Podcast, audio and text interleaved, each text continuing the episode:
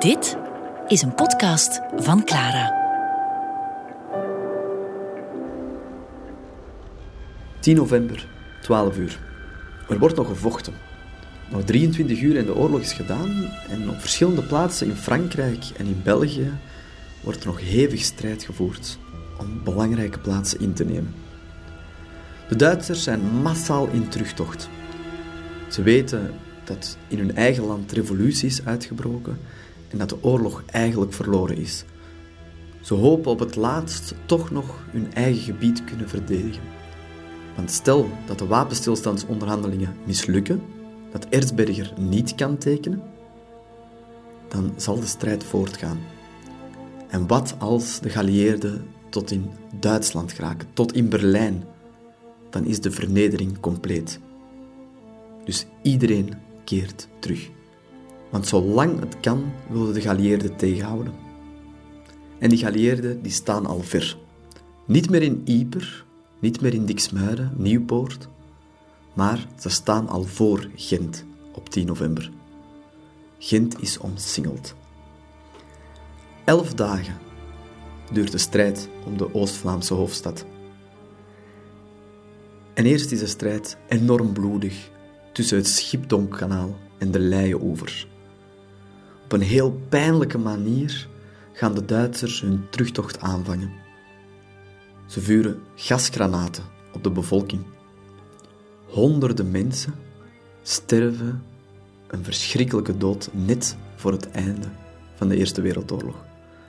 Schattingen tussen 26 oktober en 15 november is 972 burgers die alleen al aan de gasaanvallen zijn overleden. Onder hen heel wat kinderen. Een vergeten bloedbad helemaal op het einde van de Eerste Wereldoorlog. En de strijd om Gent moest nog beginnen. Het plan was om het offensief verder te zetten in de ochtend van 11 november, morgen dus. In de vroege uurtjes zouden de Belgische soldaten onder leiding van hun veldheer, hun koning Albert I, Gent moeten innemen. De Schelde oversteken en zo richting Brussel en Antwerpen trekken. Maar ook hier wist iedereen dat de wapenstilstandsonderhandelingen bezig waren. En velen hoopten dat ze niet laat zouden komen. Want nog sterven net voor het vrede zou zijn, dat zou pas heel pijnlijk zijn. Voor de Belgische soldaten die rondom Gent lagen, was het een heel vreemde situatie. Gent stond eigenlijk bijna op innemen. Heel veel Duitsers waren er niet meer in de stad. Nog een paar achterhoedes. En de meeste waren eigenlijk al richting Sint-Niklaas en Brussel vertrokken. Bijna alle Gentse buitenwijken waren al in Belgische handen. En toch klonk het bevel niet om Gent binnen te gaan. Het was een onmogelijk dilemma. Gent innemen helemaal op het einde van de oorlog zou natuurlijk glorieus geweest zijn. Zeker met Albert I, onze koning, onze bevelhebber, aan het hoofd van de troepen. Maar anderzijds zouden er wel nog doden vallen. Wat als Gent gebombardeerd moest worden, of spervuur, dat al zoveel levens had geëist in Kortrijk, in Avelgem en zo verder. Er werd afgewacht. Morgen zou het grote offensief starten. En als er dan geen nieuws was van het Wapenstilstandscomité, dan zou er worden aangevallen. Heel bizarre situatie, waar ook corporaal Gaston van de Wallen mee sukkelde. Hij kwam van Drongen, dus vlakbij Gent. En hij lag vlakbij zijn thuis. Na drie jaar had hij zijn ouders teruggezien. Al twee dagen was hij bij zijn ouders, maar nu, 10 november, moest hij terug optrekken. Er was enorm veel druk van hem afgevallen door zijn ouders terug te zien en vooral zijn grote vrees zou zijn liefje wel op hem gewacht hebben. Dat wist hij nog niet, want die woonde aan de andere kant van Gent. Gaston van de Wallen moest verder optrekken. Om twaalf uur kreeg hij het bevel over verkenningsmissie. Vlak bij de Pinte.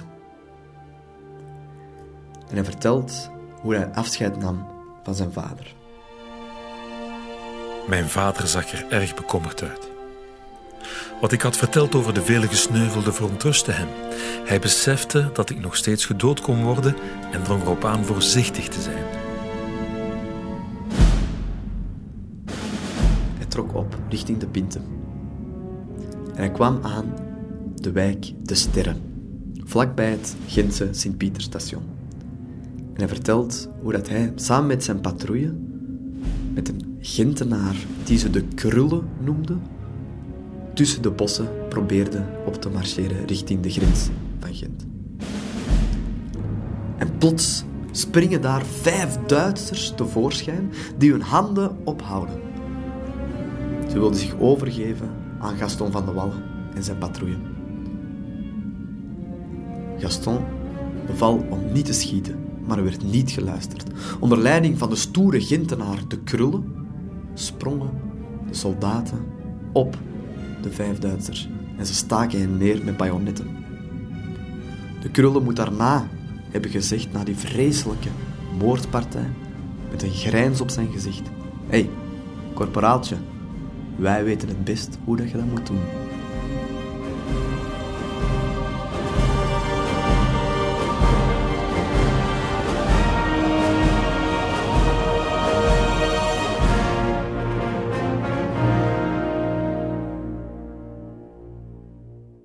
Meeste soldaten wilden op het einde eigenlijk niet meer vechten. Ze wisten dat het thuisfront zo dichtbij was en dat de oorlog bijna gedaan was. En ze wilden hun leven niet meer wagen.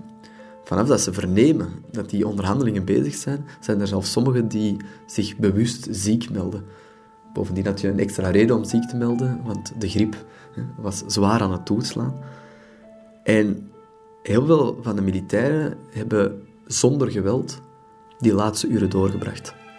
Er waren ook heel veel militairen die gewoon bang waren om te schieten. En het is ook een misvatting die wij hebben over oorlog voeren. De meeste militairen die schieten eigenlijk niet.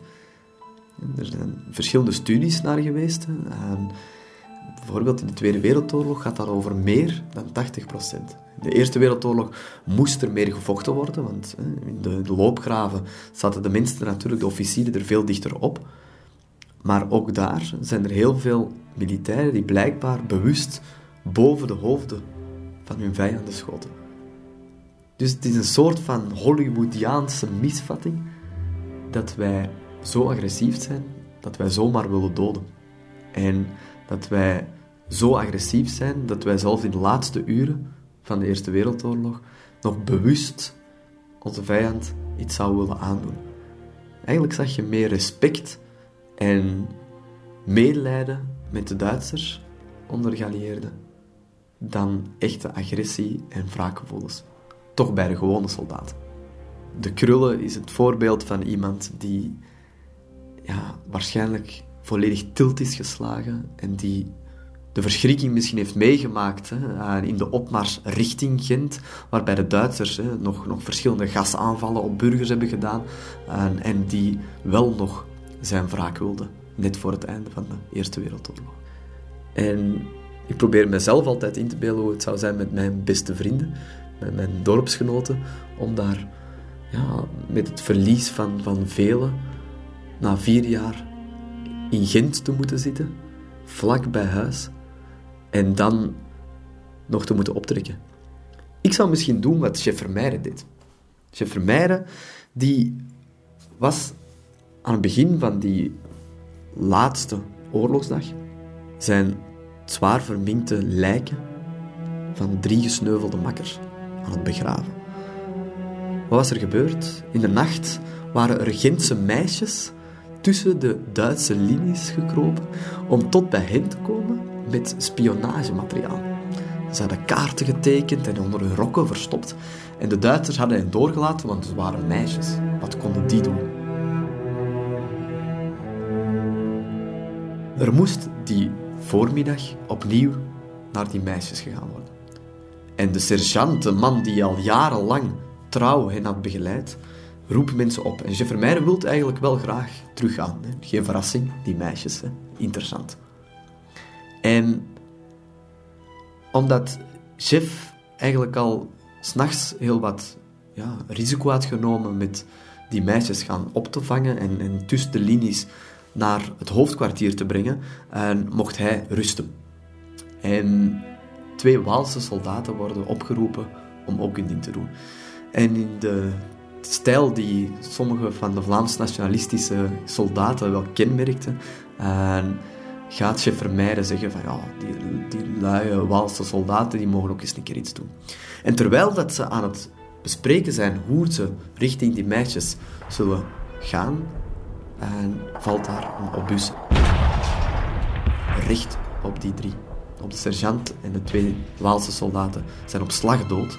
En er is een pomput. En de zwaar verminkte lijken liggen daar. En dus als de eerste van de 24 uren, laatste 24 uren van de Eerste Wereldoorlog aanbreken, ja, is hij eigenlijk gewoon zijn maten aan het begraven, die net op het einde zijn gestorven. En als chef Vermeijden dan hoort dat hij richting Gent moet optrekken, maar moet stoppen aan de buitengrenzen, dat ziet hij niet zitten. Hij wil naar Gent. Hij wil meer van zo'n meisjes ontmoeten. In zijn dagboek vertelt chef Vermeijden wat er die ochtend was gebeurd. Onze sergeant zat op zijn stroozak een brief te schrijven. Hij was een Limburger die vanaf de eerste dag van de oorlog nog niet van het front was weggeweest, zelfs niet om met verlof te gaan. Hij was nooit gekwetst geweest of in het ziekenhuis beland, zodat hij alle gevechten had meegemaakt. Een doodbrave jongen en een echte vriend. Jammer dat zijn naam mij ontgaan is, evenals zijn gemeente van afkomst. Hij had de hele morgen al gezongen en gefloten, want hij was dolblij dat het de volgende dag wapenstilstand zou zijn. Dat hij dan zou weten hoe het thuis was, waar hij niets meer van gehoord had. Nu schreef hij een brief aan zijn ouders. Misschien is hij nog rapper thuis dan ik, zei hij. Daarna staan de sergeant en de twee walen te praten. Ehm, de sergeant zei ik zou graag hebben dat twee mannen zich aanbieden om ze weg te brengen, om de meisjes weg te brengen en als ze willen gaan lopen, hen dat te beletten en ze in de benen te schieten. Chef Vermeijden bood zich aan, samen met een andere soldaat. Was dat trouw voor de sergeant of om de meisjes terug te zien? Maar toen ze zich klaarmaakte om vertrekken, riep de sergeant plots: Nee, nee, jullie twee gaan niet mee. Jullie hebben al heel de nacht de wacht gehouden. Vanavond moeten jullie weer van dienst zijn. Ik neem beter die twee walen mee. Die trekken toch altijd hun plan en laten alles voor de Vlamingen.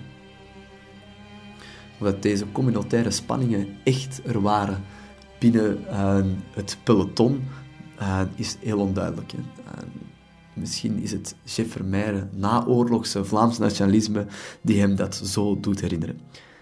Maar de sergeant staat met de twee walen op de koer te praten en dan gebeurt het. Op de koer achter de hoeve hield hij halt om uit te leggen wat er gedaan diende te worden. Wij moesten lachen, omdat de walen nu die karwei moesten doen. Plots hoorde ik het suizen van een obus en tegelijkertijd kwam de slag van de ontploffing. We wierpen ons op de grond en hoorden de stukken staal in het rond vliegen.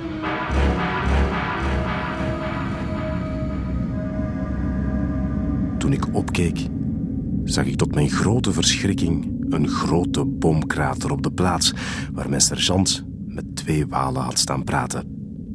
De soldaten lagen dood en erg verminkt op de grond. Alle hulp was overbodig. De sergeant was eveneens stevig gewond en verloor veel bloed. Samen met een andere soldaat nam ik hem op en legde hem op het stro in de kamer. We legden zijn ransel onder zijn hoofd en trachten het bloeden te stelpen. Ik zond rap iemand om onze brancardier. Toch, geen vijf minuten later, nog voor hij aankwam, was de sergeant dood. Daar lag nu die brave, levenslustige jongen. Zijn brief zou zeker eerder dan hij bij zijn ouders toekomen.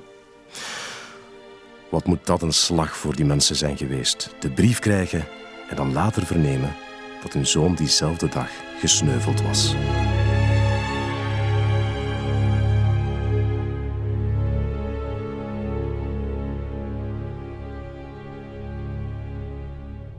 Wie die Gentse meisjes waren, die de plannen stiekem in hun rok hadden verborgen en naar het Belgische leger brachten tussen de Duitse linies, is onduidelijk. We weten tot vandaag niet wat er echt gebeurd is. En waarschijnlijk waren het enkele Gentse meisjes die de moed hadden gevonden om, goed wetende dat het Belgische leger bijna Gent zou innemen, ja, om Duitsers te trotseren en richting hen te wandelen.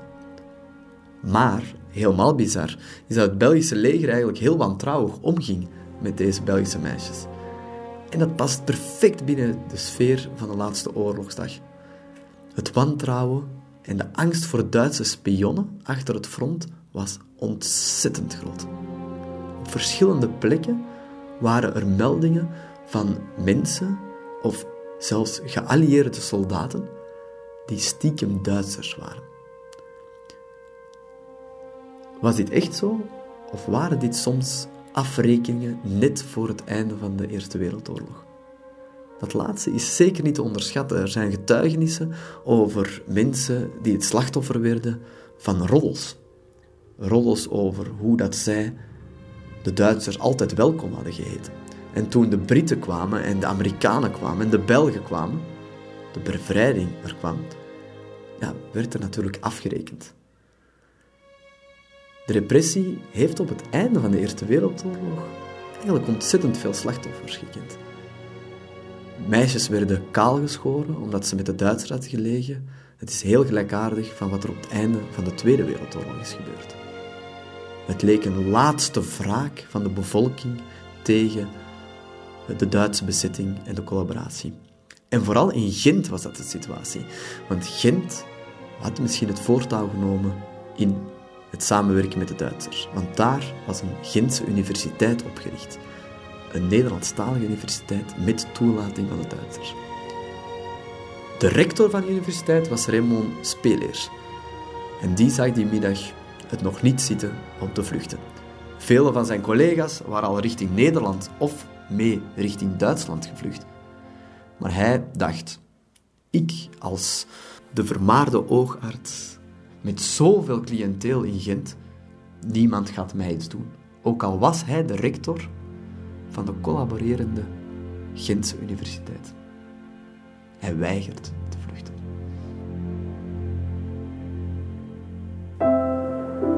Ontdek ook onze andere podcasts via clara.be. Clara Podcast.